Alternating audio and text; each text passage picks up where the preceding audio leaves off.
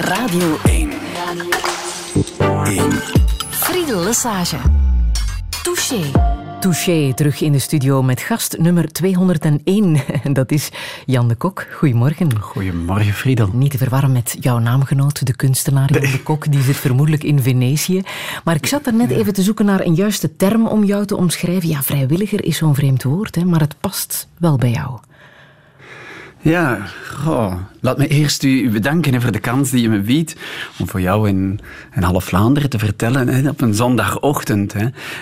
Uh, ja, vrijwilliger, ik zou het uh, aan mijn uh, alter ego aan, aan André de Kok nog eens moeten vragen. Ze gooien ons al wel eens vaker doorheen. Hè. Ja. Um, een paar jaar geleden was er trouwens een uitzending van Jan de Kok, de kunstenaar, hè, van de vezelplaten. En, op canvas en in de boekjes werd het programma aangekondigd met foto's van mij. Van jou? Ja, ja, ja, Die eer heb je dan toch maar opgestrepen. Wel, ja, je zal het mij hopelijk vergeven. maar daarmee weten mensen nog altijd niet wat jij eigenlijk doet. Um, officieel ben ik op dit moment coördinator van een VZ2, hè, Within Without Walls, een dialoog- en werkgroep daders en slachtoffers. Um, maar ik ja, maak me toch nog altijd vrij onledig ook in ziekenhuizen, um, waar ik als vrijwilliger dan vooral op, vooral op de palliatieve diensten kom. Ja. ja. En die VZW, uh, Within Without Walls, kort gezegd. Uh, WWW. Wat doen jullie? wat doen jullie precies? Wel, um, het is eigenlijk allemaal begonnen na mijn vrijwillig verblijf van een maand in een gevangenis in Congo. Als ik daaruit teruggekeerd ben met een gigantisch project, omdat de gevangenis daarop instortte stond, er was geen water, men had er twee sterfgevallen per week, vroeg de directeur, vind voor ons 250.000 dollar om een menswaardige gevangenis te bouwen. En dan hebben we met enkele vrienden dus die VZW gesticht. En in eerste instantie was dat dus een inzamelen van fondsen, maar gaandeweg is het eigenlijk meer een uh, dialoog- en werkgroep geworden, ook voor daders en slachtoffers. Omdat een van de medestichters, en uh, dat, dat was Hilde, en Hilde belde mij op in die periode en ze zei, Jan, ik denk dat ik er klaar voor ben, maar ik zou willen dat je meegaat. Ik zou de man willen bezoeken die mijn zus heeft vermoord. Ik wil niet mijn hele leven in, uh, in wrok zitten, wat ze trouwens nooit gedaan heeft. En dat is voor mij ook zo'n eye-opener geweest. We zijn die man een paar keer gaan opzoeken. En Hilde zal ook meegeven dat wanneer zij hem in de ogen kon kijken, dat misschien het helingsproces echt op gang gekomen is. Dat heeft voor ons een lans gebroken en dan zijn we, en dat blijven we doen, hè, gaan zoeken hoe kunnen we mensen bijstaan in verbinding, in heling. En wat zegt dat ook over onszelf hè, als gebroken mensen? Wat zegt het over jou? Hoe zou jij jezelf omschrijven? Wel, in die ontmoeting met, met mensen, en met name met daders en slachtoffers, hè, uh, ontdek ik altijd die spiegel. Hè. Mijn eigen gekwetstheid, uh, mijn, mijn gebreken en, en, en mijn, mijn kwaliteiten. En ik vind het een ongelooflijk boeiend avontuur om dat met mensen samen aan te mogen gaan. En dan ontdek ik in al die gehavendheid ook van mezelf, ja, dat ik toch een gelukkig mens ben. Ik ben gefascineerd door mensen en dan zeker door hen die, die gekwetst zijn, die, achter, die achtergesteld zijn. En misschien heb ik het ook wel in mijn genen zitten dat ik, dat ik een optimist ben. En ik word natuurlijk vaak geassocieerd met het gevangeniswezen. Hè. Men zegt wel eens, daar is de tralietrotter. Hè. Um, ja, maar misschien laat ons het maar houden bij een, bij een zielsgelukkig mens. En dat ja. uh, meen ik uit de grond van mijn hart. Ja. Ben je ook iemand die gisteren naar het Eurosongfestival heeft gekeken? ja, ja. De, zoals in vele gezinnen zal het misschien gepaard gaan met uh, wat familieleut. Uh, dat is bij ons niet anders. Hè. Blij met de winnaar, de Portugees. En wees maar zeker. Ja, wees maar zeker, ja niet alleen om, omwille van het breekbare lied, maar uh, we hebben ondertussen ook wel een band met, uh, met Portugal. Hè. Mijn, mijn, vriend is enkele dagen geleden teruggekeerd uit Portugal in de overweging om, om, om daar hè, eventueel te gaan overwinteren. Wel, uh, Friedel, ik weet niet of je ooit in Portugal bent geweest, ja. maar ik hoop dat je vooral de ontmoeting met het Portugese volk hebt mogen beleven. Het vervult ons met zo'n ontroering, een eenvoud, die hen zo siert. Een gastvrijheid, een geduld.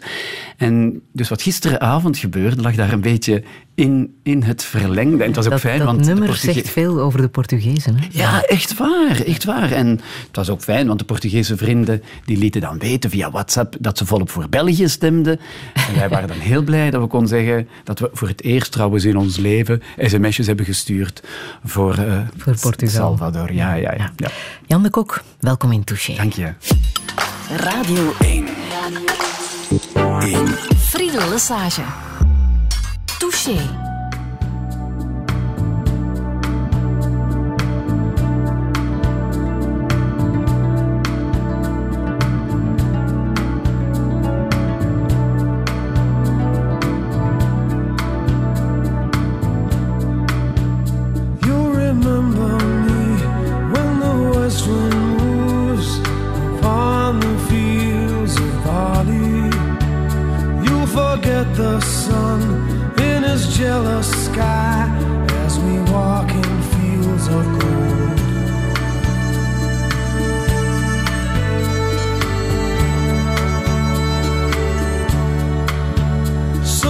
took her love for to gaze a while upon the fields of barley.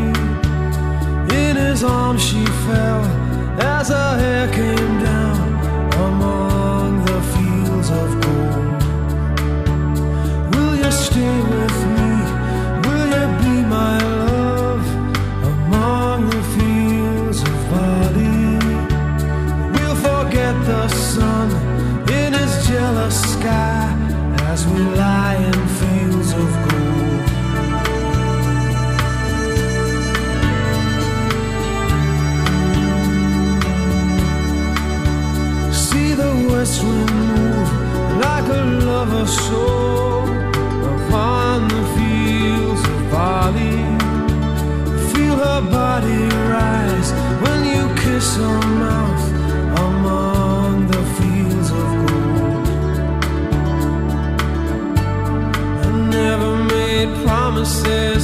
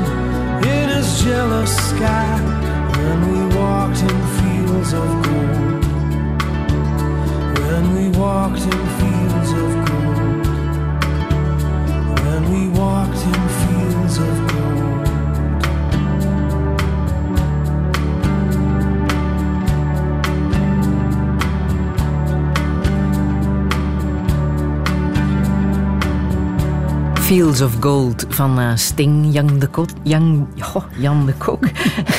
Waarom wou je dit nummer absoluut laten, laten horen? De emotie komt dan weer op. Want het is eigenlijk een lied dat ik gekregen heb in de Verenigde Staten toen ik voor Hotel Pardon, de logies bij slachtoffers of nabestaanden, die het laatste woord niet aan de feiten nog aan de haat hebben gelaten, gelogeerd heb bij Linette. En in 1991 is zij haar beste vriendin verloren. Ze logeerde trouwens bij die vriendin toen ze ochtends wakker werd door groot tumult. En de zoon van die vriendin, een 16-jarige jongen, had zo net zijn moeder vermoord. En is dan ook Linette uh, aangevallen met een, met een mes. Zij heeft het overleefd. En toen ik bij haar logeerde, was ze al uh, ettelijke keren bij hem op bezoek geweest in de gevangenis. Uh, Lynette en, en Johnny zijn Oh, ik zou bijna zeggen wat zielsverwanten geworden. Dat grote drama heeft hen echt verbonden. En ik logeerde dus bij Linnet. En toen ze mij teruggebracht naar de luchthaven, zei ze: Jan, ik wil dit lied nog cadeau doen aan jou. Dus ik, ik hoor het zo net en ja, dan zie ik me daar weer in die, die wagen in Amerika zitten. Uh, bij Linnet, een van de mensen die een verhaal vertelt uh, waar ik zelf soms geen touw aan kan vastknopen, maar wat mij erg, erg ontroert. Want dat is echt wat jij doet, hè? op alle mogelijke manieren proberen te verzoenen, te verbinden. Restorative justice heet het met een moeilijk woord binnen de uh, VZW. Um, maar hoe begin je daaraan? Hoe doe je dat? Ja, ik ben geen analist hè, voor herstelrechten. Daar zijn mensen en organisaties, ook in België, beter in onderlegd. Als je het zo vraagt, dan betrap ik mij erop dat het voor mezelf begint bij verwondering. Hè, zoals bij, bij Linette, zoals bij Hilde, uh, zoals bij Diego, toen ik in de gevangenis in, in Brazilië zat. Hè, die, die jongen, we zaten met twaalf op cel, en hij was er een van, die kreeg elke week bezoek van de familie van zijn slachtoffer. Hij had zeven jaar daarvoor een taxichauffeur vermoord. En nu kwam die familie van die taxichauffeur elke week uh, op bezoek. En dit is zijn verhaal. Hij had ondertussen gehoord dat de weduwe stervende was. Ze leed aan een levensbedreigende nierziekte. En de enige uitweg was een niertransplantatie. Maar men vond in de hele provincie geen geschikte donor. Dan heeft Diego zich medisch laten testen. En wat bleek? Hij was compatibel en hij heeft dan een nier afgestaan aan die weduwe van de man die hij jaren daarvoor het leven had benomen. Ik geef dat als illustratie van wat er kan gebeuren als we op een andere manier met gevangenen, met mensen die een crimineel feit hebben gepleegd, omgaan. En in die gevangenis, met name in Brazilië, werkt men echt vanuit herstelrecht. Hoe kunnen we verbinden vanuit de realiteit dat je hier met meerdere partijen zit die gekwetst zijn? Hè? Zij die het feit hebben ondergaan en zij die het gepleegd hebben. De methode is ontwikkeld door een rechter die ook vaststelde dat recidive gigantisch was in Brazilië. Die, die, die draaideurjustitie, hè, men, ook bij ons, mensen komen buiten en binnen de kortste keren eh, worden ze doos weer ingedraaid, omdat er blijkbaar toch iets schort aan dat rehabilitatieproces. En een van de dingen waar men dus in die gevangenis in Brazilië op inzet, dat is verantwoordelijkheid, hè. dat is spiritualiteit, dat is werk, dat is vertrouwen. En laat dat misschien iets zijn waar het in onze bejeging naar gevangenen zo vaak ontbreekt. Hè? Vertrouwen wij nog iemand hè, mhm. die een feit heeft gepleegd? Maar kijk, dan zie je wat daar kan gebeuren. En zo'n verhaal als dat van Diego, en zo kan ik er tientallen serveren, hè, daar staan er wel enkele van in Hotel Prison en Hotel Pardon, um, die hebben ons aangezet als VZW om daar een beetje ons DNA van te maken. En ik zeg het, we hebben eigenlijk geen draaiboek. Hè. We leven het leven zoals het zich aandient. En we hebben de voorbije jaren enkele workshops neergezet. En dat gaat dan rond de doodgewoonste dingen. Bijvoorbeeld samen muziek maken met daders en slachtoffers. Werkt enorm verbindend. Binnen een paar weken doen we een kookworkshop. Ehm, koken met mensen, hè, met een daderverleden of een slachtofferverleden. Hè, en samen in de moestuin gaan, samen koken en het samen dan nog aan tafel opeten, dat werkt helend. Maar concreet denk ik dat dat niet het eerste is waar mensen aan denken als ze ofwel slachtoffer of nabestaande zijn of dader. Dat je ja, die andere partijen absoluut wil ontmoeten. Daar is, denk ik veel ja. wrok, woede, uh, afstand, uh, negeren. Uh, dat zal toch wel de eerste fase zijn waar je door Klopt helemaal. En hebben hun recht van bestaan. En ik denk dat wij als maatschappij en ook als VZW de opdracht hebben om te waken hè, over dat geknakte riet, hè, over de slachtoffers, over alles hè, wat gebroken is in, in deze maatschappij. Gerechtigheid is een pijler, ook als we het over herstel recht hebben. Maar, eh, en dat denk ik dat belangrijk is dat dat blijft klinken, dat dat niet het laatste woord heeft. En mhm. het zijn de slachtoffers die het mij meegeven. Hè? Dat wanneer ze in die ontmoeting gaan, dat eh, hun herstelproces op gang eh, gebracht wordt.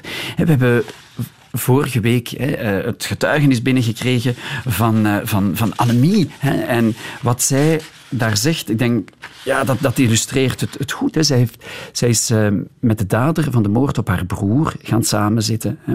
En wat zij zegt is dat die bemiddeling voor haar het hoogtepunt is geweest. Hè. Het is voor haar het mooiste geschenk wat de dader haar kon geven, want hij heeft ervoor gezorgd dat ik niet verbitterd werd en niet verzuurde. Zij zegt, ik geloof heel erg in een tweede kans. En door die bemiddeling ben ik er nog meer van overtuigd dat die dader die tweede kans verdient. Ik kan hem vergeven en daardoor wordt mijn verdriet niet minder erg, maar wel een pak minder zwaar om te dragen.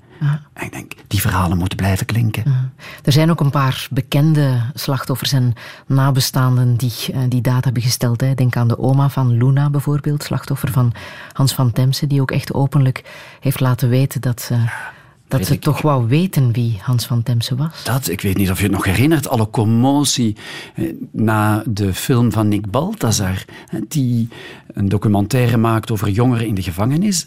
En toen bleek snel dat Hans van Temse de muziek daarvoor had eh, geschreven. Heel de pers op haar achterste poten eh, dat het toch niet kon, dat zo'n dader nog in de watten werd gelegd, de kans werd geboden om muziek te schrijven. En hoe is de storm gaan liggen? Door een lezersbrief van de oma hm. van Luna. Die zei, als men mij de kans geeft hè, om te kiezen, doen we iets met deze dader. Hè, dat hem... Hm. Ik, wil haar, ik wil haar even laten horen. Hans, denk jij ook wel eens aan de nakende ontmoeting? Wie zijn wij voor je? De familie van Luna. Ik weet het, ze was collateral damage. Uh, ik, ik geloof echt dat men emoties moet leren aanvaarden. Uh, zich afzetten of ze weigeren uh, helpt toch niet. Dus aanvaarden dat, dat, dat pijn even menselijk is dan, dan geluk. De oma van Luna. Straf, hè? Ja. Heb jij Hans van Temse ontmoet? Ja, ik weet niet of ik daar een beetje mee uit de, uit de bicht klap. Um, als dat gebeurt in Antwerpen, waren allemaal van ons melk. Hè. En meteen is er die grote manifestatie georganiseerd, hè, waar dan die campagne Straat zonder haat uitgekomen is. Hè. We waren met duizenden vertrokken door de straten van Antwerpen. En ik liep op de eerste rij. Hè. Ik was zo geraakt, ook in mijn mensbeeld. Hè. Wat, wat gebeurt er in, on, in onze stad? En dan is de manifestatie afgelopen en dan spring ik op de fiets. En dan ga ik bij Hans van Temse op cel. En ik herinner mij nog het beeld. Ik kom daar dan binnen en daar hingen aan de muur, hè, waar je bij vele gedetineerde, schaars geklede dames hè, verwacht, hingen foto's van zijn konijntjes. Hè. En dat is het begin geweest van ja, een, een een opbouw van een relatie. Hè, die ik, enkele weken geleden moest ik in de gevangenis gaan spreken waar hij nu zit. Het was zo'n warm weerzien. Hè. Als ik zie wat er van die man ertussen geworden is. En dankzij hè, de zorg van heel, heel wat mensen. Ook de bewakers en de directie, ook hè, de toenadering van de familie van, van Luna. Maar, en misschien mag ik dat ook wel zeggen, zijn familie. Ik heb ook zijn hè, familie mogen ontmoeten. En dat is een groep waar wij vaak niet bij stilstaan. Hè. Hoe maar toch gaat het mensen? Heeft hij die daden gepleegd? Hè? Ja, zeker. zeker. Blijft natuurlijk ook een realiteit. Ja, en, en het zijn daden die, die onomkeerbaar zijn. Hè. Dat is ook wat Hilde zegt. Wat haar van de haat heeft weerhouden, is de gedachte aan dat iemand feiten kan plegen die je in dit mensenleven nooit meer kan goedmaken. Dat moet afschuwelijk zijn. En niet alle daders komen tot dat besef. Maar vriendelijk kan het je zeggen, het is een hel als mensen achter tralies zitten en tot dat besef komen. En hoe gaan we dan verder met het on, onherstelbare?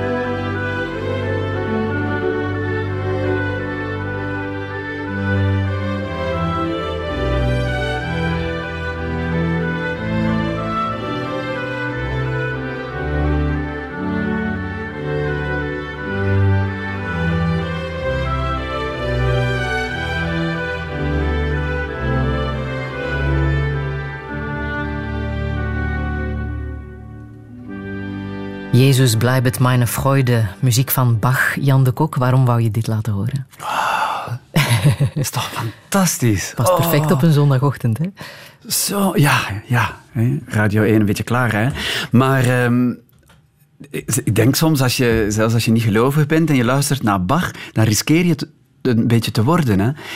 Het gaat natuurlijk terug naar mijn kindertijd. Hè. Als, ik, als ik misdienaar was, was dit het stuk dat de koster bijna elke zondag speelde op het einde van de viering. Dus eh, ik associe- associeer het natuurlijk met mijn, mijn heerlijke kindertijd. Maar eh, nog vandaag, hè, als ik... We zijn vorig jaar naar de Matthäuspassie geweest. Dit is voor mij zo'n belevenis geweest. Ik vind het echt, echt een, een feest voor al mijn zintuigen. En dus eh, op zondagochtend, hè, eh, bij een heerlijk ontbijt, hè, als Flavio de eitjes kookt, hè, dan leggen we Bach op. En voilà, en onze dag is goed. Wat voor kereltje was jij, eh, die kleine misdienaar? wat, voor, wat voor een ventje was dat? Dat zou je eigenlijk aan mijn, mijn ouders moeten vragen of aan mijn, aan mijn zussen. Hè. Eh, Vier zussen heb je, hè? Ja, ik ben gezegend onder alle vrouwen, Friedel. ja, schatten van zussen. Ja. Ik heb er natuurlijk eh, vaak op gesakkerd en we hebben gekibbeld en ruzie gemaakt. Maar eh, oh, ik ruil ze voor geen geld van de wereld in. Ik ben opgegroeid in een heel warm nest. Ja, ik Een heb- boekenwinkel. Las ik ja, ergens. ja, mijn ouders hadden een, een, een boekenwinkel en ik vond het heel bijzonder om te mogen opgroeien hè, tussen boeken en school en papierwaren. We hebben dat zelfs met z'n vijven heel graag meegedaan en we moesten al wel eens bijspringen. Maar toch is geen van ons eh, in de handel gestapt. We zijn, zitten op dit moment met z'n vijven in de sociale sector en dat hebben we ook aan mijn ouders Ja? te danken. Welke Ja. manier dan? Wel, mijn ouders, oh, ze hebben elkaar leren kennen bij de scouts. Hè. En altijd zat dat eh, sociale er- erin. Eh, We waren met de gehandicapte scouts bezig. Eh, mijn moeder gaf catechese. Bij ons goh, zijn zoveel gehandicapten en vluchtelingen over de vloer geweest. En ik zag ook wel dat het hen, hen gelukkig maakte. Dus toen ik eh, 19 was en mijn papieren indiende om gewetensbezwaarde te worden, tussen haakjes, tot groot ongenoegen van mijn vader. Want hè, kun je niet normaal doen, zoals de rest hè, van de wereld. Hè. Eh, maar ik, ik gaf altijd terug van, kijk, dat, dat heb je alleen maar aan jezelf te danken. We zijn opgegroeid met zoveel kansen en zoveel genegenheid, dat ik voelde, het is nu mijn beurt om dit mee te delen met kinderen aan wie dit alles ontzegd was. En zo ben ik in Chili gaan werken met straatkinderen. Maar zoveel gaat terug naar, naar hen, naar hun open deur, hun open hart. Want die boekenwinkel, ik denk altijd, die deur die stond meer, meer open voor al dat volk dat ik zo net kom, kom te benoemen. Maar die trip naar Chili is ook heel bepalend geweest hè, voor wat je uiteindelijk bent geworden. heeft heel mijn leven veranderd. Want ik was vertrokken voor een project van drie jaar. En uiteindelijk ben ik in totaal tien jaar eh, in het ontwikkelingswerk gebleven. Er is heel veel hè, dat het leven van een mens op zijn kop kan zetten. Maar er is niets dat je zo op sleeptouw neemt als het werken en leven. Oeps. Met de armen. Ehm, Wat emotioneert jou. ja. Woeps. Woeps, dat grijpt me harder aan dan ik zelf vermoedde. We zullen even muziek draaien. hè.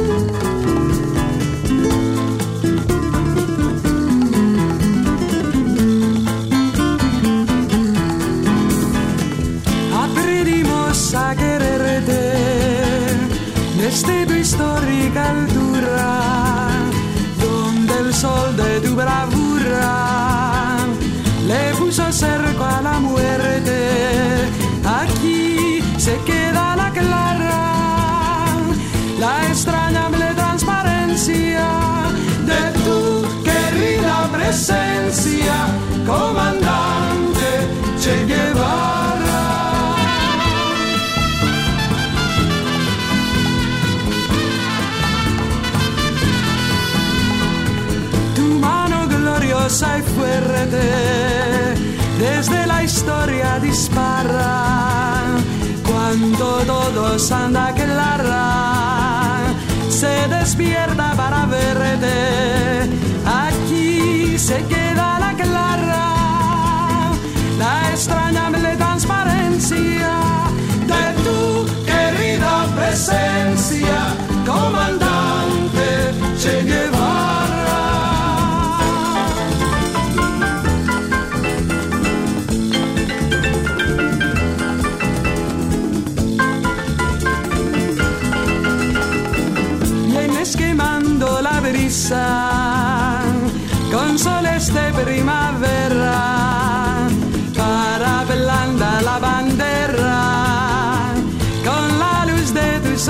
pensar.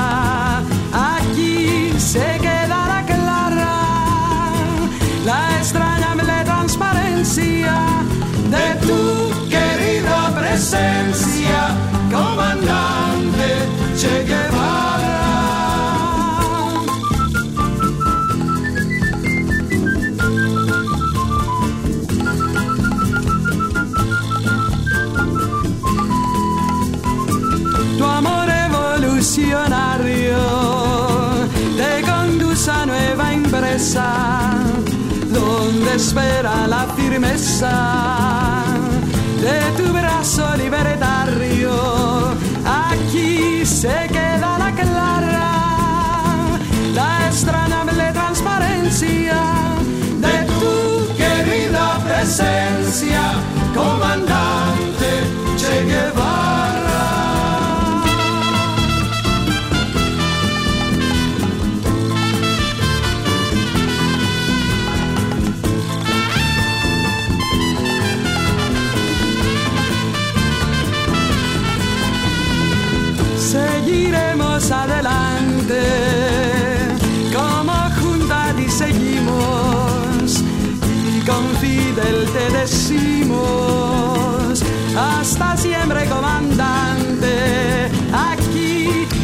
Maria Faranduri met eh, dat bekende nummer Hasta Siempre, de ode aan eh, Che Guevara. Het verbaast jou niks natuurlijk, Jan de Kok, dat ik dit ook absoluut wou laten horen, van mijn kant dan. Waarvoor dank, waarvoor dank. Het Want het zegt heel mij. veel over eh, waar jij zo zwaar op gestudeerd hebt, hè, als ik dat eh, zo mag zeggen. De bevrijdingstheologie. Ja, ik heb het voorrecht gehad hè, om verschillende cursussen te mogen volgen. Eh, eh, In Brazilië, rond die bevrijdingstheologie. De identificatie van dat Latijns-Amerikaanse volk, jaren tachtig, erg verdrukt door die dictaturen. En die zich zo identificeerde met het godsvolk, het volk dat verdrukt werd in Egypte. En dat heeft voor mij toch wel een nieuw licht gegooid op mijn geloofsbeleving. Want wat ik daarnet zei, ik ben opgegroeid in een traditioneel, eh, lief gezin. Maar zo het geloof als als brood, als iets om van te leven en te overleven, dat heb ik echt met name aan de vrouwen van de verdwenenen in Chili te danken. Hè, Vele van hen kon zelfs niet lezen of schrijven, maar hun mannen, hun zonen waren wel verdwenen en zij putten echt kracht uit die Bijbelverhalen die dan door andere vrouwen werden voorgelezen. En dat heeft mij zo getriggerd dat ik dacht, daar wil ik meer van weten. En je kunt dan inderdaad hè, duiken in grote bevrijdingstheologen, maar ik zeg ook altijd, de universiteit van het leven blijft toch de straat en de population, de, de arme wijken, de gevangenis, het ziekenhuis. Ja, wat je zo net zei, hè, werken met armen, dat, Oh. dat raakt jou. Hè? Ja, ja heel, heel erg. Ik weet natuurlijk dat ik eh, verliefd ben geworden op Chili omwille van die levensvreugde. Het is een, het is een volk dat mij heel na aan het hart eh, ligt. hè. Eh, maar ten tijde van die dict- dictatuur van Pinochet, hè, als er zelf doodsbedreigingen komen, als je moet onderduiken. Ik weet, ik heb een klik gemaakt in mijn leven toen ik vrienden niet meer herkende als gevolg van de folteringen. Wel, dat heeft mij op een onnavolgbare manier eh, gelinkt aan dat volk. Dat heb jij meegemaakt, want je was er eh, eind jaren tachtig, eh, Ja, toen Pinochet effectief nog aan de macht aan de was. macht was. En dan heeft hij nog een serieuze uithaal gedaan. Het waren zo de laatste stuiptrekkingen van, van die dictatuur.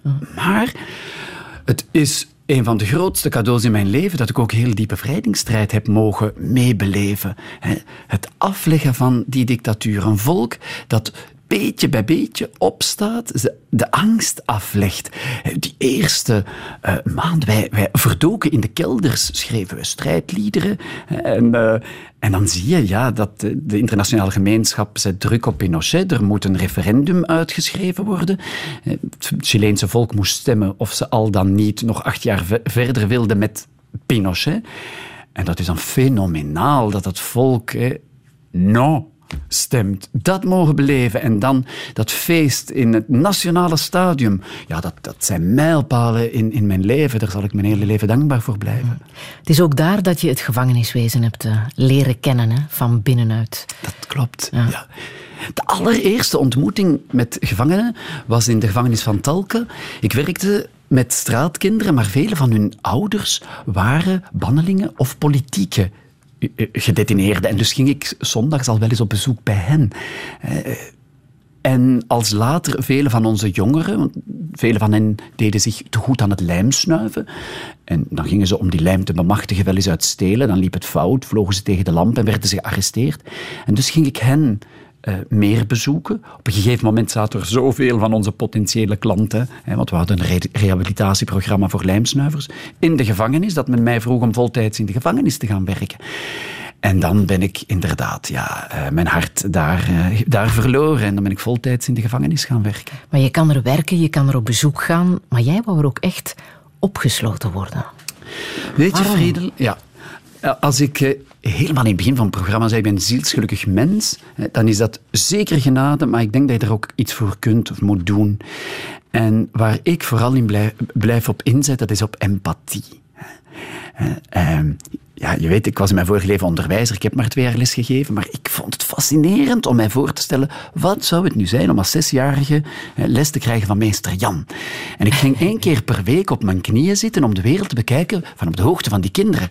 Wereld ziet er helemaal anders uit, want toen hing ik al mijn posters en affiches een meter naar beneden. In het ziekenhuis is dat hetzelfde. Ik denk vaak, we zouden die artsen, die verpleging, regelmatig in bed moeten stoppen, ze drie weken wassen, af en toe een gastroscopie, opdat ze die voeling met die patiënten niet zouden verliezen. En dat was met de gevangenen niet anders. Ik werkte al 15 jaar met gedetineerden. Dat wil zeggen, nooit later dan 8 uur, want dan moest je de gevangenis verlaten. Dat is ook hier zo. Hè. Soms blijf ik hier wel eens tot 9 uur. Maar ik wist niet wat het was om een nacht achter tralies door te brengen. Ik wist amper hoe de gevangeniskost smaakte. En mijn allereerste nacht was in de gevangenis van Kigali in Rwanda.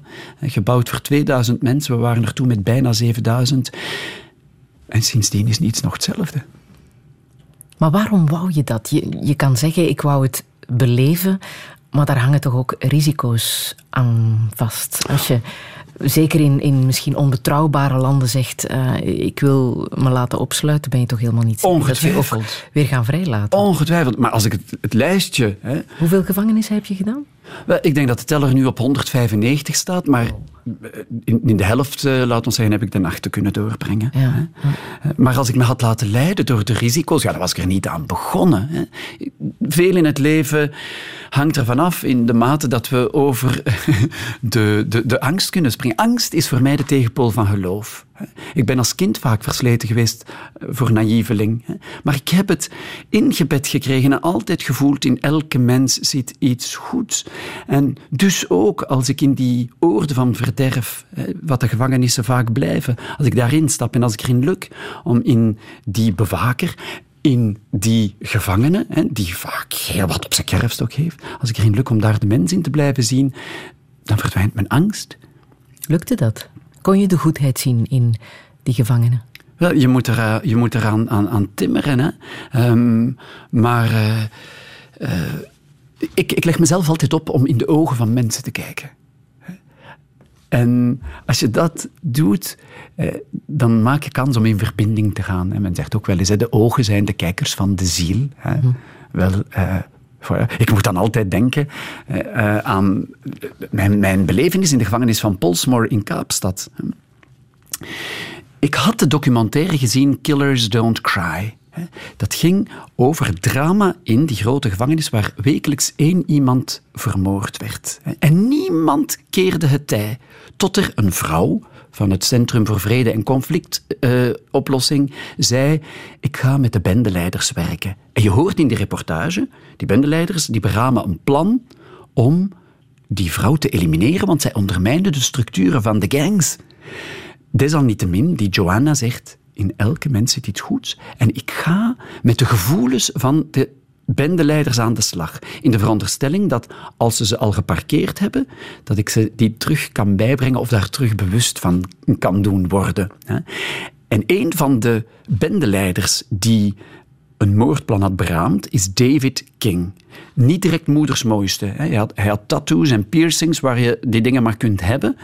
En hij had ook nog maar één oog en één tand. Uh, en hoe die workshop dan wordt aangepakt, dat, dat, is voor een ander programma. Maar als ik in Polsmoor verblijf, raad bij wie ik op zeil mag? Bij David King. En als ik na vijf dagen Polsmoor verlaat, dan zegt hij... Jan, uh, I want to give you something. Een, souvenir. Ik heb niks, zegt hij, maar je krijgt dit. En hij tast in zijn broekzak en haalt daar een papieren zakdoekje uit. En hij zegt, you can have it. Hij zegt, hier zitten de allereerste tranen in die ik in mijn leven heb leren wenen in de cursus van Joanne. En ik keek in zijn, in zijn ene oog en ik denk, die man die heel wat moorden op zijn kerfstok heeft, kijk wat hier nu gebeurt.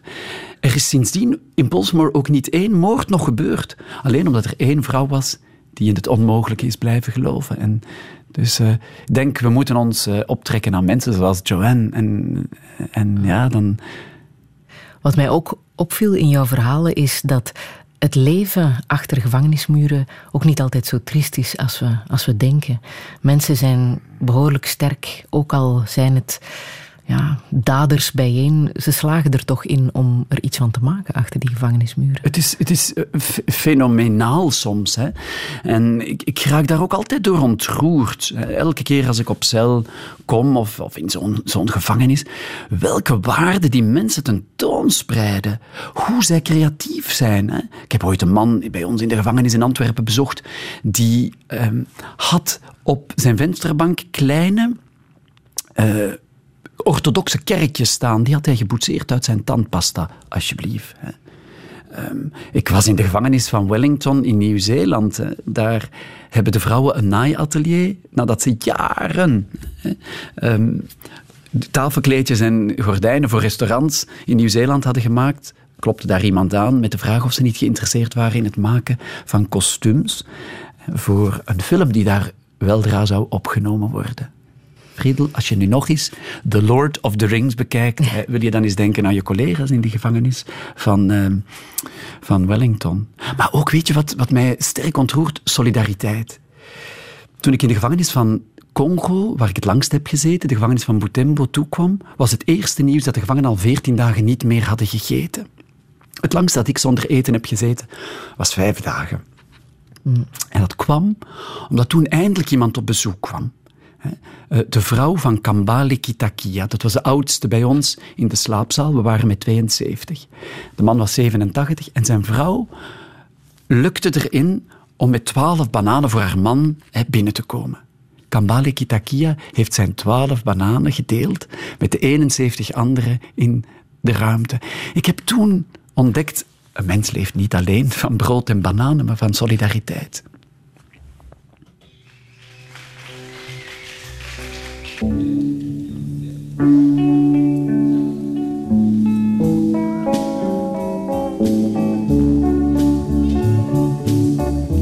and gentlemen, this next song comes from Tanzania. It's a song in Swahili, a love song. It simply says, Malaika nakupenda malaika, which simply means, I love you, my angel.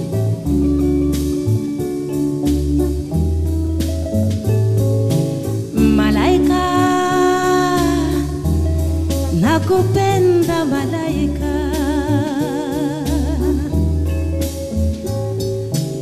Malaika. Nakupenda malaika. Ningekuoa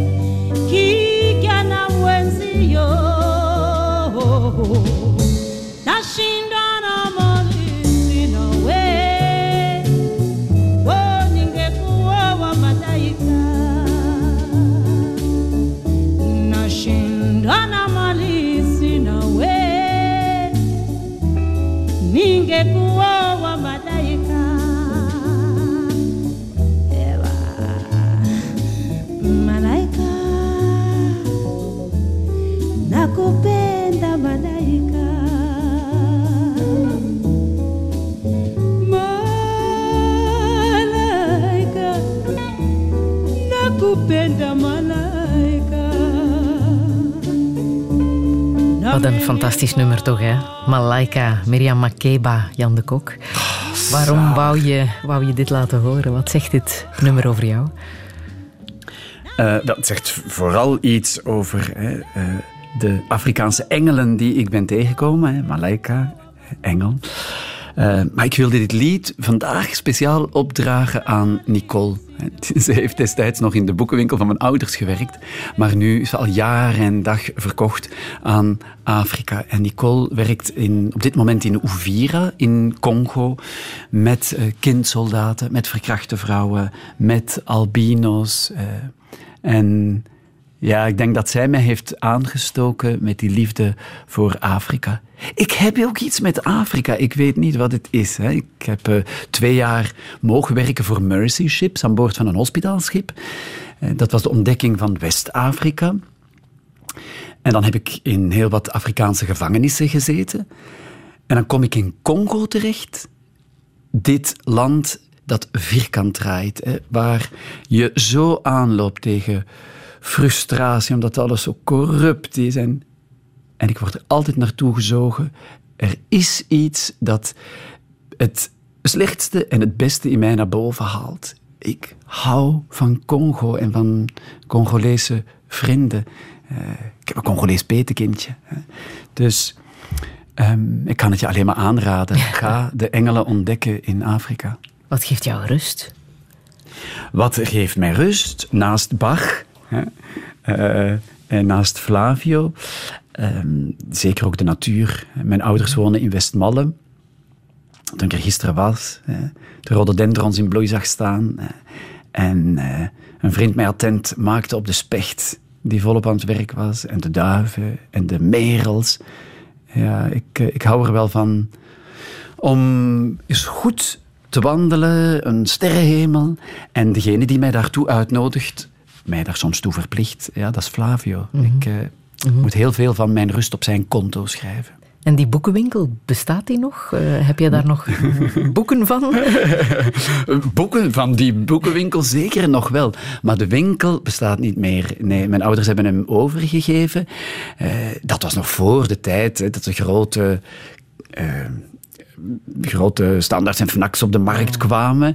Hè, en uh, ze zagen, die vijf kinderen van ons, hè, er is geen die de zaak overneemt. En, uh, dus dan gaan wij ook maar een, nog een tandje bijsteken wat het sociale betreft. Dus, uh, nee, de maar boeken lezen doe je nog altijd. graag. Ja. Wat is de wat, heb je gelezen van Dave Eggers? Ja. Past ook helemaal bij jou, denk ik.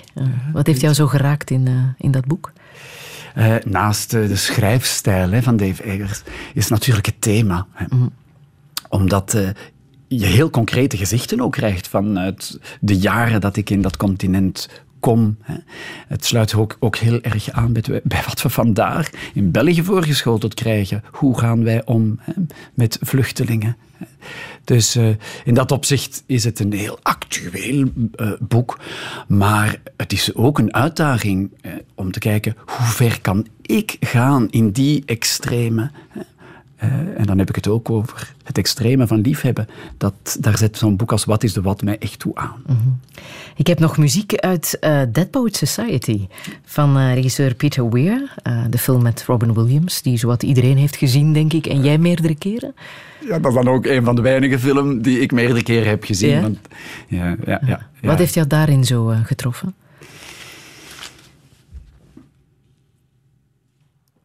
Ik denk vooral dat als ik die leerkracht bezig zie, dat, dat ik dan vaststel, de twee jaren dat ik les heb gegeven hier in België, dat ik me niet vergist heb.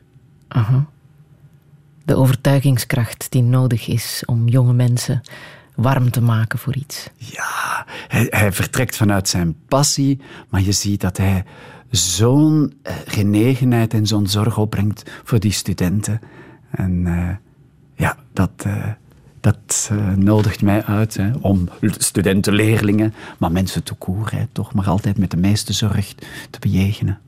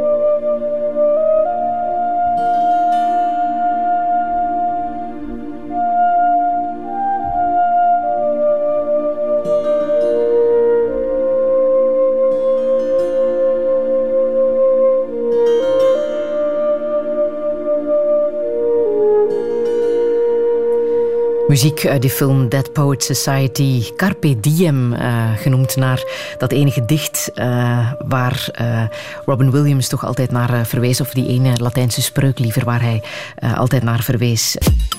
Radio 1. Radio 1. Friedel Lesage. Touché. Touché met professioneel vrijwilliger Jan de Kok. Tijdens zijn burgerdienst in Chili raakte hij in de ban van de bevrijdingstheologie, waarbij de zonde niet in de schoenen wordt geschoven van het individu, maar van de sociale onderdrukking, de slavernij, de ongelijkheid en de economische onrechtvaardigheid. Om te weten wat er echt leeft bij mensen die beladen zijn met zonde, liet hij zich vrijwillig opsluiten in een honderdtal gevangenissen overal ter wereld. Maar zijn passie voor de mens gaat verder dan dat. Hij was ook ziekenhuispastor en stervensbegeleider begeleider. Hebben we wel genoeg begrip voor het ongeluk van onze medemens? Zijn gevangenen nog van deze tijd, of gevangenissen liever nog van deze tijd? En wat met de roep naar herinvoering van de doodstraf? Is er nog wel plaats voor schoonheid in het leven? Heel veel vragen nog in deze touché met Jan de Kok. Een zeer goede middag. Desde el hondo crisol de la patria se levanta el clamor popular, ya se anuncia la nueva alborada, todo Chile comienza a cantar, recordando al soldado valiente, cuyo ejemplo nos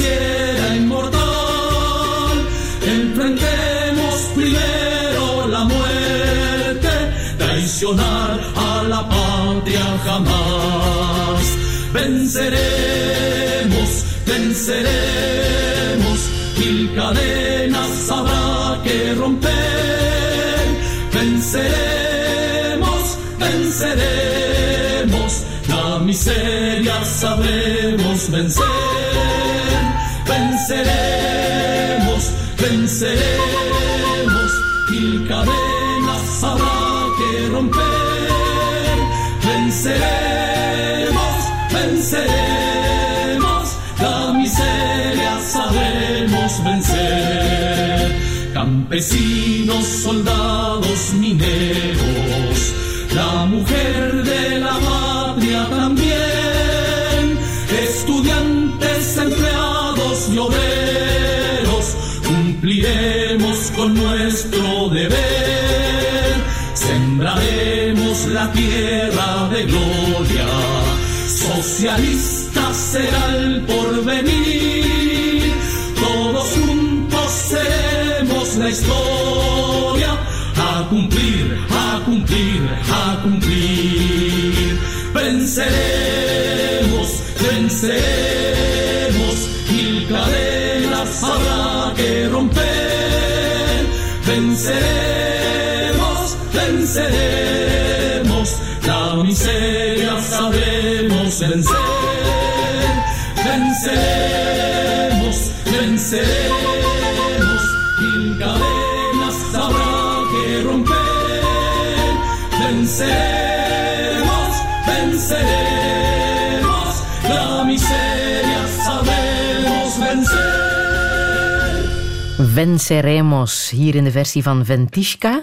Jan de Kok, je hebt het hier eh, mooi meegezongen in de studio. Helaas hebben de luisteraars dat niet gehoord. Maar je kent het natuurlijk uit het hoofd. Hoe komt dat? Ja, daarin ligt al mijn emotie voor dat tweede vaderland. Ah. Eh, Waar we het eh, tijdens het eerste uur al over hadden. Eh, Chili heeft mijn leven zo getekend. hè, en niet in het minst in die bevrijdingsstrijd van, van mensen. En wat ze zingen is, we We zullen, overwinnen. Ja. En weet je, er is ook nog een heel bijzondere connotatie aan dat lied. Die hadden we ook nog kunnen draaien. Victor Jara, hè, een volkszanger in, in Chili, die echt icoon is van eh, die, die dictatuur en van de staatsgreep. Hè. Eh, die man hè, die concerten gaf in de volkswijken, die werd gearresteerd, zoals zoveel, opgesloten. En het verhaal gaat dan dat een van die bewakers hem natuurlijk herkende, hem voor het oog van al die andere gedetineerden begon te folteren. En altijd eh, opdracht gaf van verder te zingen. En men duwde hem een gitaar in zijn handen. En dan heeft men de, de nagels uitgetrokken. eh, vinger voor vinger eh, afgehakt. En altijd moest de man maar blijven zingen. En dat deed hij. En op het einde eh, zijn al de gevangenen eh, ingevallen. En hebben ze samen Venceremos gezongen. En dan hebben ze hem afgemaakt. Jan de Kok, laten we ook eens kijken naar eh, de rest van de wereld, want daar gaat het niet altijd zoveel beter. Hè? Wat jou eh, heel hard heeft geraakt, eh, is het nieuws eind april.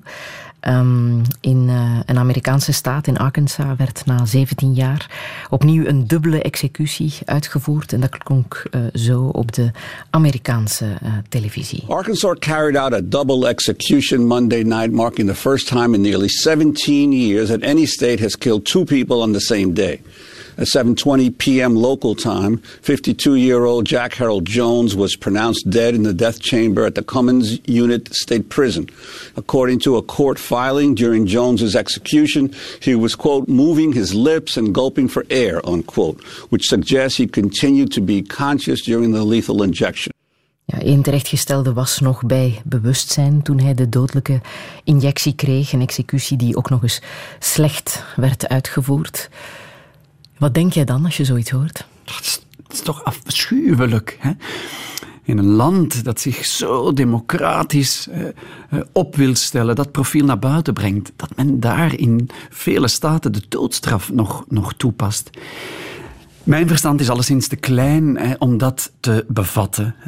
En ik, ik wil het zelfs niet alleen hebben over de levensdelinquenten die ik heb mogen ontmoeten, die om welke reden nadien, en niet in het minst door de zorg van anderen, toch een nieuwe weg hebben ingeslagen en blijk hebben gegeven van het feit dat ze meer zijn dan hun kwaadste daad. Maar eh, dat je het als systeem gaat toepassen, wat je zo verwerpt. Dit is toch, dit is toch Kafka. Je zegt, iemand die een moord pleegt, dat verwerpen wij. En dan ga je net hetzelfde doen. Als instituut, als overheid. Dit is, eh, eh, dit is afschuwelijk. Het is niet alleen ja, dit verhaal uit uh, Arkansas, maar ook uh, Turkije, um, waar uh, ja, de herinvoering van de doodstraf ook op het programma staat. Um, Turkse president Erdogan wil een referendum organiseren als er geen parlementaire meerderheid wordt gevonden voor de herinvoering van de doodstraf. Dit riep hij na zijn overwinningstoespraak. In het Turks natuurlijk, maar ik zal zo meteen vertalen. İşimiz çok. Yapacağımız çok şey var bu ülkede. İnşallah ilk iş, ilk iş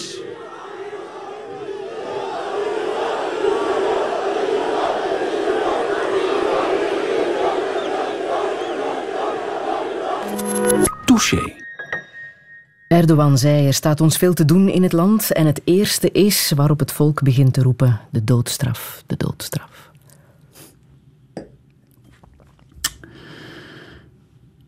Oh, ja, heel de kwestie Turkije. Hè. Oh, het, uh, het doet mij natuurlijk veel pijn. Vooral ook omdat de Turkse vrienden die ik heb, vooral ex-gevangenen zijn. Die ik uh, in de gevangenis van Leuven of de gevangenis van Antwerpen bezocht en die dan naar hun land zijn teruggekeerd. En met wie ik in contact blijf. En niet weinigen van hen blijven als een man achter Erdogan staan.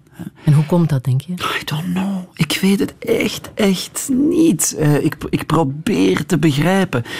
Um, en ik hoop dat die poging tot begrip hè, de vriendschap in, in ere houdt. Maar ik hoop ook dat we uh, mensen die onder andere voor de herinvoering van de doodstraf uh, pleiten, ja, dat we die op andere gedachten kunnen brengen. Ik pretendeer niet dat, dat mijn mening uh, de opinie van het Turks volk kan beïnvloeden, maar we moeten blijven uitnodigen tot, tot dialoog. En ik hoop dat waar wij dat proberen te doen met onze tochtgenoten, hè, zijn de, in dit geval de, de Turkse gevangenen, dat de politici dat blijven doen hè, met hun soortgenoten. En ik kan alleen maar heel dankbaar zijn en, en hoopvol dat onze politici echt, uh, sommigen toch, hun nek uitsteken als het op het thema van de doodstraf in Turkije gaat. Wat is de voedingsbodem, denk je, dat mensen inderdaad dit roepen? Dat ze de doodstraf willen heringevoerd zien? Nu, Kijk, want we, hebben natuurlijk hè, dat uh, karikatuur, karikaturale voorbeeld van Turkije. Maar als je hier de proef op de som zou nemen, zou je uh, ook ik alleszins heel erg ontgoocheld zijn. Ja, wat denk je dat hier uh, wel, mensen Er zijn zeggen? ook cijfers van. Hè. Vorig jaar werd gepubliceerd dat een op de vier universi universiteitsstudenten alsjeblieft voor de invoering, herinvoering van de doodstraf is.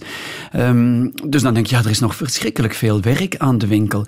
Ik zou mensen uitnodigen om hun oor te luisteren te leggen om weerom hè, in ontmoeting te gaan en waarom niet in de ogen te kijken van iemand die een levensdelict heeft gepleegd.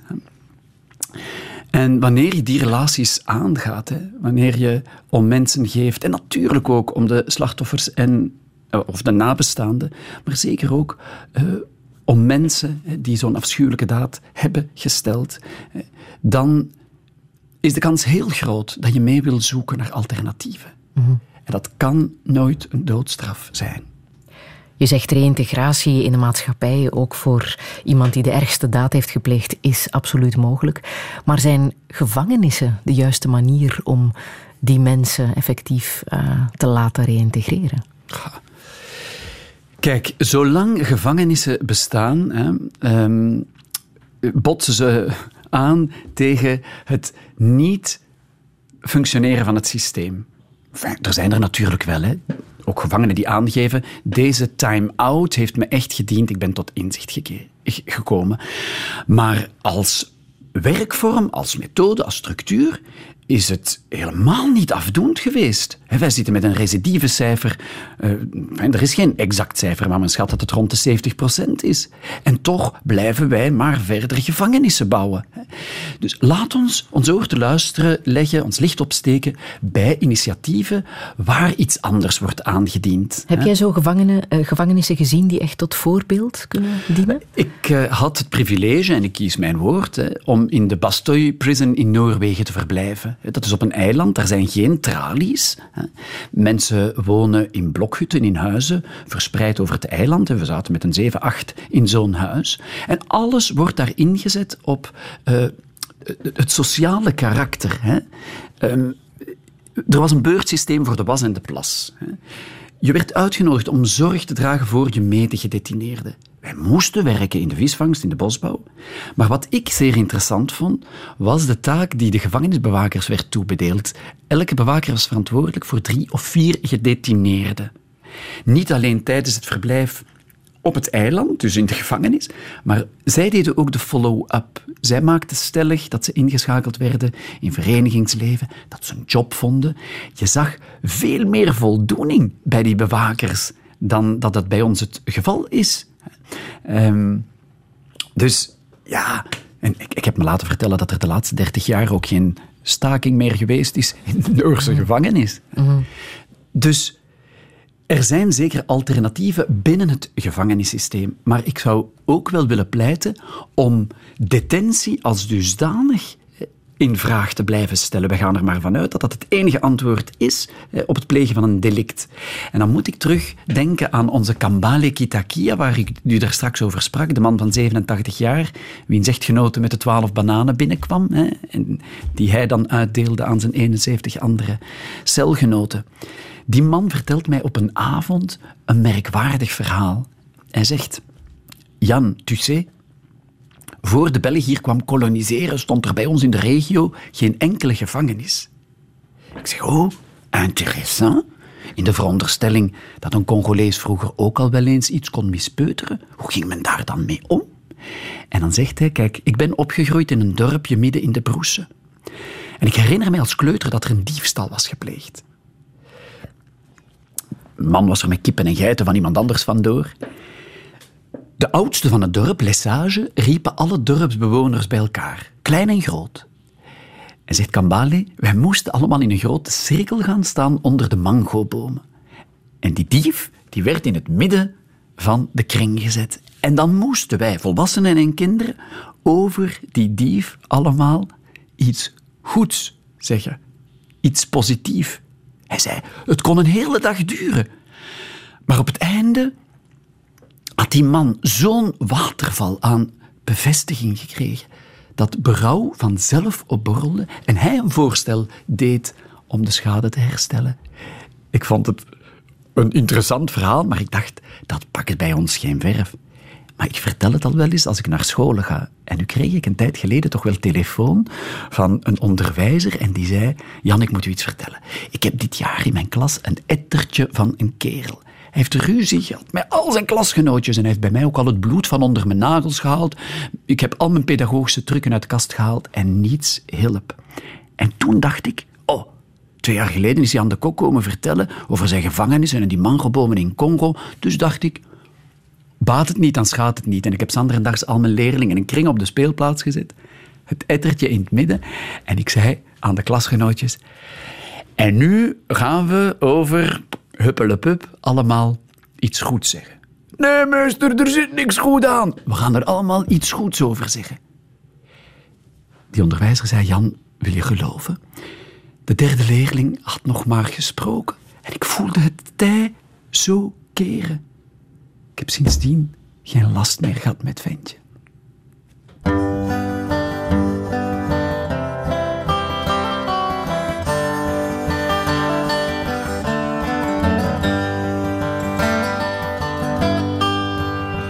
It was Christmas in prison, and the food was real good. We had turkey and pistols carved out of wood. And I dream of her always, even when I don't dream. Her name's on my tongue, and her blood's in my strength. Wait a while, eternity. Oh, my nature's got nothing on me. Come to me, run to me, come to me now. We're rolling, my sweetheart, we're flowing by God.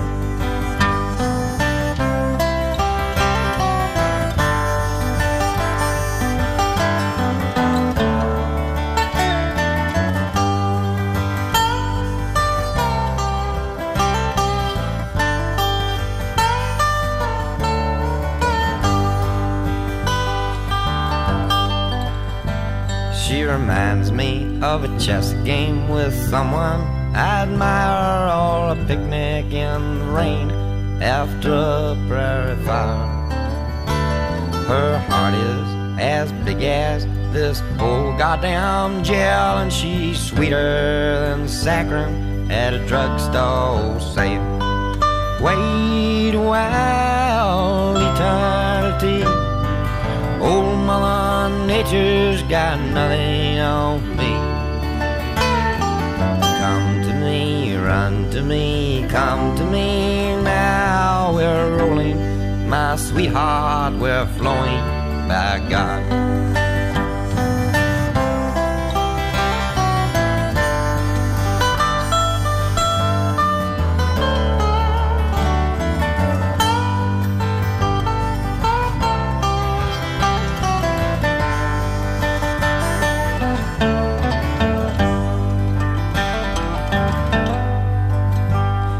Searchlight in the big yard swings round with the gun and spotlights, snowflakes like the dust in the sun.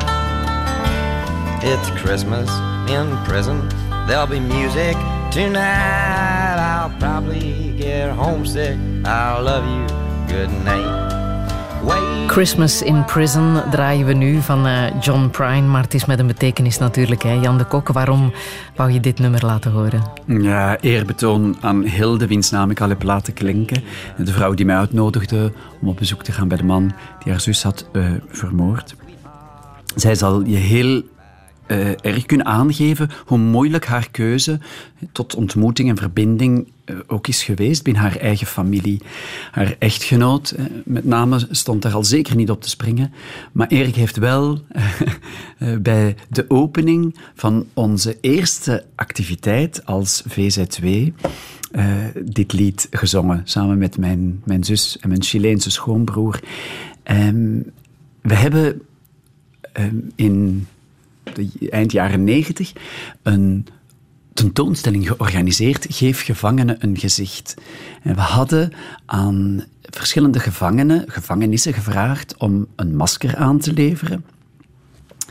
Ehm, dat gemaakt werd in de gevangenis uit pap- papier-maché of uit eh, keramiek. Eh, en tevens ook aan slachtoffergroepen. En die bijna 200 maskers zijn tentoongesteld. En nadien, eh, onder het motto, geef gevangenen een gezicht. Hè. Want Hilde en andere slachtoffers geven aan, hè, wij zijn ook vaak gevangenen hè, van verdriet, van ondraaglijk leed. maar soms ook van wrok. En geef gevangenen een gezicht en die maskers zijn nadien geveild. En die opbrengst ging naar de gevangenis in Congo die we daar wilden bouwen. Ja. Je hebt echt een gevangenis gebouwd in Congo. Ja, crazy, ja. Ja, had jij niet liever iets anders gebouwd? Natuurlijk. Ja, Zoals Foucault zegt, bouw een school en je vermijdt een gevangenis. Hè. Eh, en ik werd daar heel erg geconfronteerd met wat ik daarnet zei. Je wil investeren in alternatieven voor detentie. En dan krijg je de vraag: vindt voor ons 250.000 dollar om een nieuwe menswaardige gevangenis te bouwen. En daar zat hem het verschil. Want ik had natuurlijk die maand in die gevangenis meegeleefd zoals ze er toen stond. Hè. Levensgevaarlijk, want op instorten waar geen water was. Ja, een waterput op twee kilometer daar vandaan, waar ochtends zonder strenge bewaking, bewakers met kalasjnikovs, en dus wij gedetineerden met z'n vijven met emmers en bidons water gingen halen om te voorzien in twee bekers per gevangene per dag water, hè, waar de beestjes nog in zwommen. Waar we met overschot in beurtsysteem konden douchen. Je doet dat in Afrika met een beker. En dan vang je het water nog eens twee, drie keer op om af te spoelen. Maar het beurtsysteem was wel zo dat als je vandaar douchte, je pas binnen vier, vijf maanden terug aan de beurt kwam. En dus dat gemiddelde van twee sterfgevallen per week was omdat er geen enkele vorm van gezondheidszorg was, eh, eh, geen water, de toiletten onbestaande. Je kon op vier, vijf meter geen voet meer zetten, want omdat ze verstopt waren, zijpelde de drek letterlijk naar buiten. En dus als die directeur en de commission Justice et Paix mij die vraag stelt, hè, wil je voor ons eh, fondsen inzamelen, dan wist ik dat het een kwestie van leven of dood was. En vier jaar later is de gevangenis er ook effectief uh, gekomen. En hoe gaat het daar nu met die Wel, gevangenis? dat wilde ik net zeggen. hè. We zijn zoveel eh, jaren verder nadat we meegarant mochten staan voor die basisrechten voedsel en water, kunnen we nu eindelijk het idee, het concept van justice reparatrice binnenbrengen. En eh, we ondersteunen met onze VZW enkele mensen die daar aan de slag zijn. Psychologen die groepsessies doen en individuele sessies. Die waken over het voedselprogramma. En die nu beginnen met de ontmoetingen tussen daders en slachtoffer. Een van jouw grootste supporters tijdens heel dat eh, Congo-project was jouw vader. En die is ook meegereisd naar eh, Congo destijds. Hè. Ik wil hem even laten horen hoe hij eh, toen over jou eh, sprak. Zo'n lief, die heeft verschillende jaren gewerkt aan zo'n project. Maar wat ik dus vooral geweldig vind, ja, de rust die hij kan uitstralen en het goede in de mens zien. Vader de kok, hoe blijf jij zo positief? Jan. Mijn vader. Goh. Ja, met, met alle dank en erkentelijkheid hè, nog eens aan hem, hè, die voor het eerst meegegaan is buiten Europa, oh, naar Zwart-Afrika. En zich heeft, echt heeft laten raken hè, door het verhaal van de armen en met name door, door, de, door de gevangenen. Maar heb jij technieken om jou te behoeden voor negativisme ja. en het lelijkste wat er in de mens soms naar boven kan komen? Ja. Er zijn er misschien een paar, maar ik zal er eentje meegeven, Friedel. Ja. En daarvoor moet ik terug naar 1987, toen ik voor het eerst in Chili toekwam. Ik had voor mijn vertrek de opleiding gevo- gevolgd op het Latijns-Amerikaans College in Leuven. Jonge ontwikkelingswerkers werden daar klaargestoomd. We kregen dan Spaans en een beetje geneeskunde, een beetje bevrijdingstheologie en ook ontwikkelingspsychologie. En dan zeg ik psychologie van de ontwikkelingswerker. En ik hoor die professor nog zeggen: vier maanden en dan is de honeymoon over. Je idealisme krijgt een flinke knauw. En ik dacht, met alle Chinezen, maar niet met Jan de Kok. En, enfin, toegegeven, het waren vijf maanden. Want op dat moment, hè, is echt zo'n cruciaal moment ook in mijn mensenleven. Hè. De dictatuur haalde wild, sloeg wild om zich heen. Hè. Ehm, die, die mensen die verdwenen, eh, we konden nooit rustig gaan slapen, want je wist niet wie er eh, die nacht zou opgepakt worden. Eh, het project met de lijmsnuivers draaide vierkant. En als klap op de vuurpijl kreeg ik uit België het bericht dat twee van mijn vier zussen betrokken waren bij een levensgevaarlijk auto-ongeval. Ze hebben ook effectief tussen leven en dood gehangen. Wel, die nacht heb ik gedacht, er is geen God. En ik lag die nacht te wenen en te voelen in mijn bed. Het was winter in Chili, koud. En ik- zei, verdorie, mee voor u ben ik naar hier gekomen en je bestaat niet. En waar het vandaan komt, weet ik niet. Ik had nog die kleine opening En als je bestaat, kijk mijn goedwil, dan wil ik u zelfs herkennen in iets pietluttig. Toon mij één positief ding in de voorbije dag. En ik zal blijven en u blijven zoeken. En dat was afschuwelijk, want ik vond niks. Ik pelde mijn dag af als een ui. Ik ging naar het moment van opstaan. Ik had heel veel tijd doorgebracht die dag in een krottenwijk, waar geen water was, geen eh, elektriciteit en het meeste van de uren in de krot van Senora Maria. Ze had acht kinderen, haar man was verdwenen en ze wist niet wat ze zanderdags aan die kinderen te eten ging geven. En dus dacht ik die nacht, ik heb alleen maar naar miserie geluisterd. Maar in mijn uitbenen van die dag kwam het als een bliksemschicht binnen. Ik had het overdag niet opgemerkt. Maar in haar krot, dat ze letterlijk met plastic zeilen en karton had opgetrokken, had die vrouw een groentekratje staan, want een tafel had ze niet. Een conserveblik, want een vaas had ze niet. En daar had die bloemen in gezet. En ik dacht, verdorie, die vrouw die geen nagel heeft om haar gat te krabben, die brengt het op om haar krot op te smukken met bloemen. En ik ben mijn bed uitgesprongen en ik heb opgeschreven Flores de Senora Maria. En met mezelf ben ik het engagement aangegaan. Ik ga nooit, nooit nog slapen zonder dat ik drie positieve dingen heb opgeschreven. Het is mijn therapie geweest. Als je in gevangenissen komt en in ziekenhuizen, je kunt niet blind zijn voor het afschuwelijke leed en het verdriet dat er is.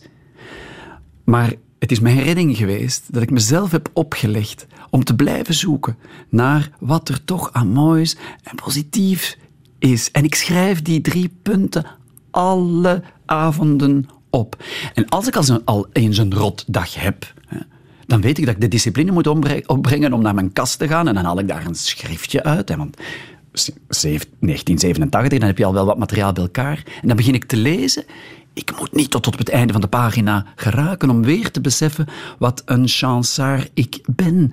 De grootheid van ons bestaan bouwt zich op uit een veelheid van kleine dingen. Maar schrijf ze op, want als het niet goed gaat met ons, dan zijn we kort van geheugen. En vanavond zal ik opschrijven... Ik mocht in een programma zitten van een vrouw met een hele zachte stem. Zachter, duizend keer zachter dan het wc-papier op de VRT. Het is goed gekomen met jouw vier zussen, nota bene. Ja, en bij deze heel veel liefs aan die vier zussen mochten ze, mochten ze luisteren. Ja, dankzij, dankzij heel veel liefde en zorg van mensen. Ja.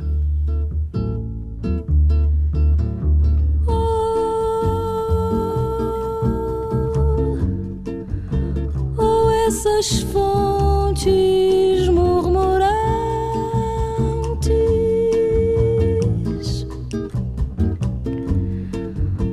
onde eu mato minha sede e onde a lua vem brincar.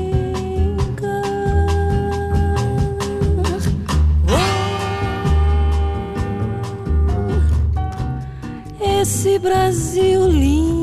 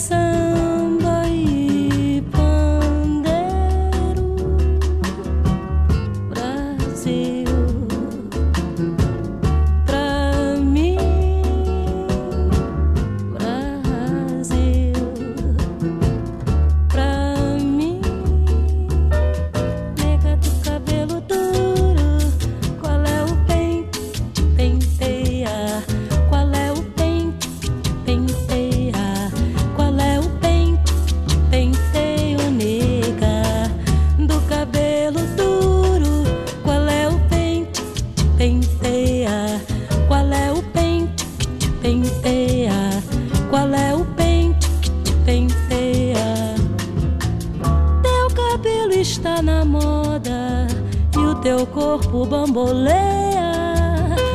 Minha amiga, meu amor, qual é o pente que te penteia, nega?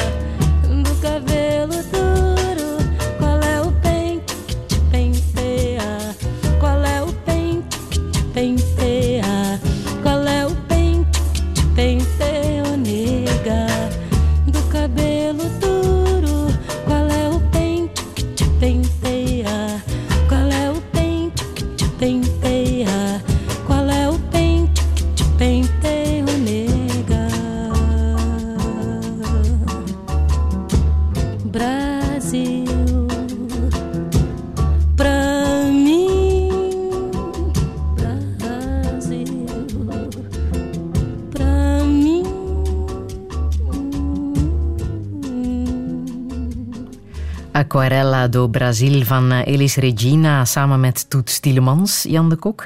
Ja, het heeft ook een betekenis hè, waarom we deze Braziliaanse muziek laten horen.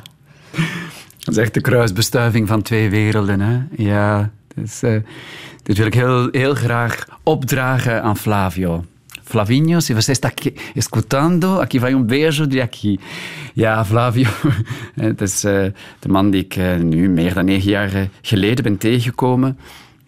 En eh, die mij het, het, eh, het gelaat, de kleuren, de smaken van Brazilië helemaal heeft bijgebracht. Maar ook van de liefde. Ja. Die Wanneer liefde. wist je, wanneer wist je dat, dat je voor de Heere liefde was? Ehm, daar kan ik twee antwoorden op geven. Hè? Want eh, officieel was dat op, ben ik op 34. Hè? Nu denk ik, beeld je in op je 34ste hè? uit de schuif of uit de kast of uit het huis gekomen.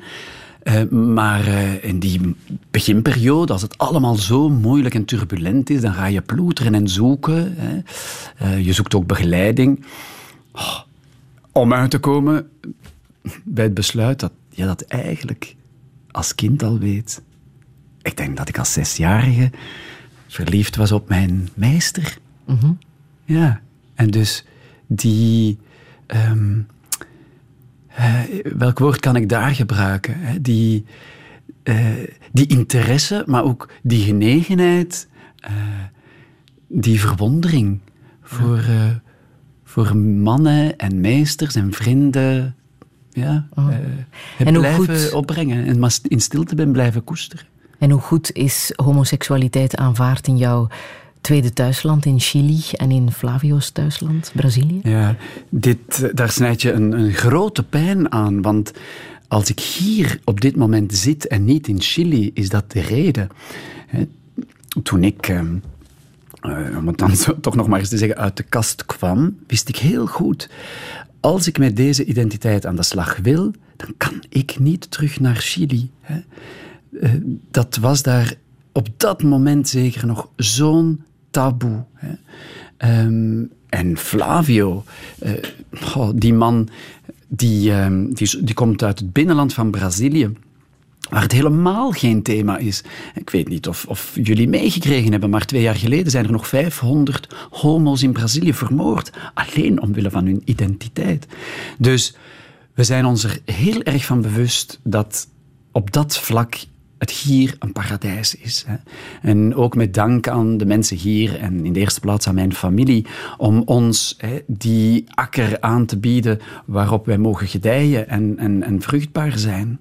Het is wel de reden waarom jij geen priester bent geworden. Hè? Ja. Friedel, je weet meer van mij dan dat ik vermoedde. Ja, ja. Omdat je homo bent, heb Ja. je besloten, ik word geen priester. Ja, klopt. Want eh, het was een, paar ma- maand voor het afsluiten van de opleiding hè, dat een man hè, verklaarde dat hij verliefd was op mij. En dat eh, is een moment eh, ja, waarbij ik voelde, wauw, nu hoor ik de engelen zingen. Dit is voor mij thuiskomen. Maar tegelijkertijd wist ik, alles komt nu op de helling te staan. Chili, maar ook mijn, mijn relatie binnen die kerk waarvoor ik mij aan, aan het opleiden was. Ik was zo gebeten door het verlangen om in het licht te staan. Ik wilde zo eerlijk zijn. En omdat wat toen gebeurde ook een verhaal van liefde was. Ik zie eh, tochtgenoten die het vreselijk moeilijk hebben gehad, die door een pijnlijke ervaring eh, uit de kast gebroken zijn. Dat is helemaal niet mijn, mijn eh, verhaal. Dus het gebeurt met heel veel zachtheid, met heel veel liefde. En dan denk ik, dat kan toch niet haak staan op die blijde boodschap. En ik zocht naar ankerpunten binnen die kerk. En dat was zo ontgoochelend en pijnlijk. Ik vond ze niet. En dan ben ik naar de bisschop gestapt. En dan probeerde ik stuntelig een verhaal te vertellen over incarnatie, hè, over het, het lichaam hè, als, als wonderlijk instrument, over aanraakbaarheid. En ik legde dat ook op de verhalen die ik in het evangelie zag. Van de aanraakbaarheid van Jezus en zijn mensen en zijn, en zijn dikke vrienden. En, en ik ving bot. Dus vond ik het eerlijkst dat ik en aan hem en aan de kerk en aan Flavio, die ik toen nog niet kende, zou zeggen: Ik word geen priester, maar ik probeer vruchtbaar te zijn hè, op andere manieren. Kan ik zeggen dat je eh, jouw boodschap op een andere manier tot bij de mensen hebt gebracht? Dat je eh, je eigen vorm van pastoor zijn hebt gemaakt door ziekenhuispastoor te zijn, door aan stervensbegeleiding te doen, door mensen te begeleiden in een crisis? Het is aan die mensen misschien om daarover over te oordelen. Ik, uh, ik heb in heel dat proces ook gevoeld, de enige roep van God over mensen is dat je zielsgelukkig bent. En dat ben ik. En je wil dan vruchtbaar zijn. Nu, eh, de meeste homo's, ja, zetten geen kinderen op de wereld.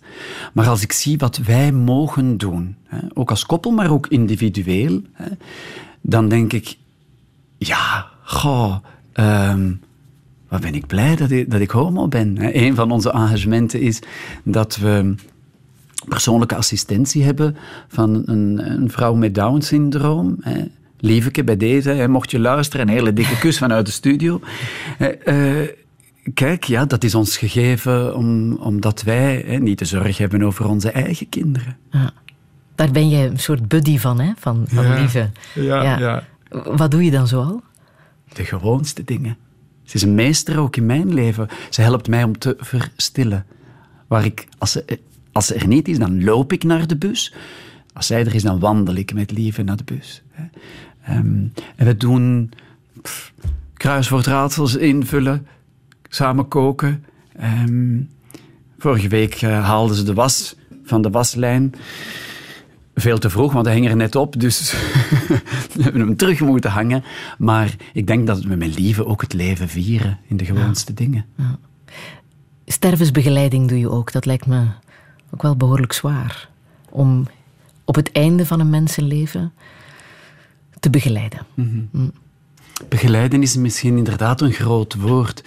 Ik geloof, of dat dat nu in, in eh, gevangenissen is, of het gaat om ziekenpastoraat, het is echt een pastoraal van aanwezigheid er zijn. Ik weet als ik in dat veld stapte, dat ik heel veel hè, eh, koud watervrees had.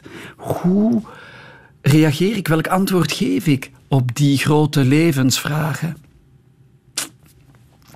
Het is zo'n zegen, zo'n cadeau om op die cruciale momenten bij mensen te mogen zijn. Om de onverklaarbaarheid van, van het lijden heel vaak, hè, om dat te mogen beleven met, eh, met deze mensen die te Wat, horen wat hebben. wordt er nog allemaal gezegd aan zo'n sterfbed? Wel, er is heel veel stilte natuurlijk. Hè. Ook daar pleit ik heel erg voor aanraakbaarheid. Als ik een ritueel doe bij mensen, mag doen, eh, dan zal ik de naastbestaande al, eh, heel eh, vaak uitnodigen om, om aan te raken. Er gebeurt altijd iets, er stroomt altijd wat. En dat mag heel vaak in stilte zijn. Maar goed, eh, ik neem al wel eens de gitaar mee. Hè. Eh, Het is ook gebeurd hè, onlangs met een eh, vrouw die eh, afscheid nam van het leven samen met haar familie. Er zijn mooie dingen gebeurd aan het sterfbed. Vergiffenis vooral. Verzoening ook alweer. Ja. Ja, ehm, het is een verhaal dat ik heb neergeschreven in het, het boekje Doodgelukkig Leven. Hè. Ik kende die vrouw natuurlijk al langer, omdat twee jaar daarvoor haar zus ook gestorven was eh, aan kanker. Nu had ze dezelfde diagnose gekregen. En het was een heel gelovige vrouw. Hè. Dus eh, nu kwam, was ze al in die laatste fase. maar ze had mij altijd aangegeven dat ze haar zus zeker en vast zou eh, terugzien. En ze was ook altijd heel benieuwd naar mijn activiteiten, ook buiten het ziekenhuis. Met name mijn, mijn werk in de gevangenissen. En nu lag ze eigenlijk al drie weken in coma. En haar familie laat mij roepen om een afscheidsgebed. Ze had, ik denk, zeven broers en zussen tussen de 80 en de 94. Ja. En we staan dus rond dat bed. Rond eh, Mimi heette ze. En ja, eh, je laat de stilte regeren, eh, je, je, je zingt een liedje. En op een gegeven moment vraag ik aan de broers en zussen of ze misschien nog iets willen zeggen aan hun zus. En ze bekijken me eerst met zulke ogen. Iets zeggen aan een zus die op sterven na dood is. Maar die oudste broer van 94, die buigt zich over zijn zus. En die zegt... Mimi, ik wil vergeving vragen voor... En dan vertelt hij iets wat daar gebeurd is. Ik was in eerste instantie erg gegeneerd. Ik denk, wie ben ik om hier als buitenstaander getuige te zijn van dit familieverhaal? En ik probeerde de kamer te verlaten om dat heilige moment aan die familie te laten. Maar ja, toen nam een zus over, die bedankte. En dan was er weer een zus die ook vergeving vroeg. En ze hadden met zevenen hun zegje gedaan. En toen keek ze naar mij, toen zei ze... Ja, en jij?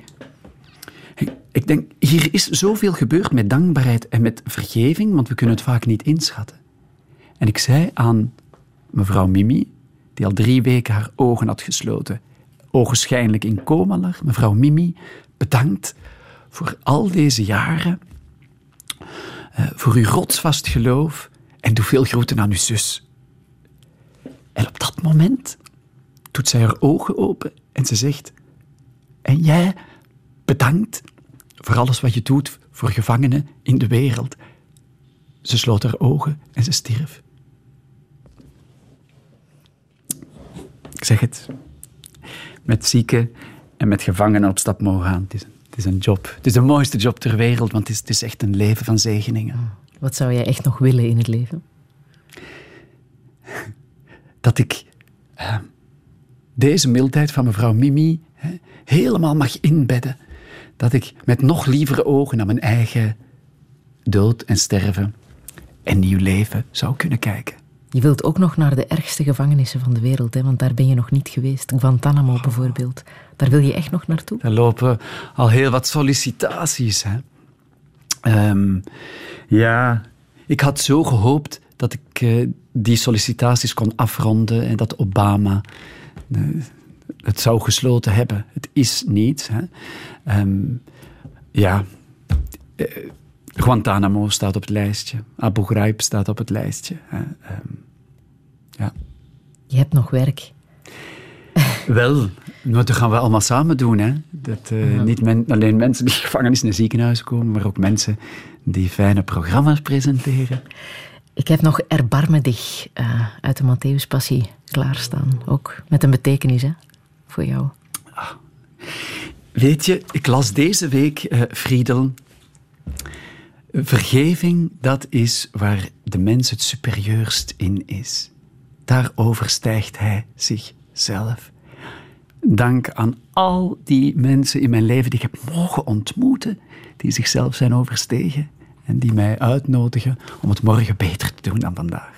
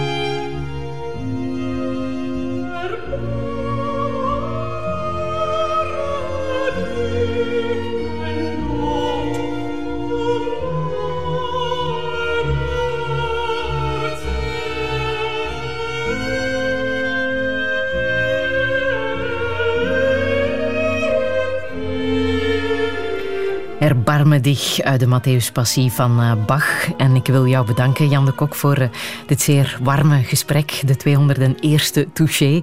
Wie de feestuitzending van vorige week heeft gemist, die kan die herbeluisteren via onze website radio1.be. Daar staan trouwens de voorbije 200 Touchés ook eh, te herbeluisteren. Zometeen is er Grand Cru en Sportza en volgende week ontvang ik de winnaar van de PC Hoofdprijs, Bas Heijnen. Een heel fijne zondag nog.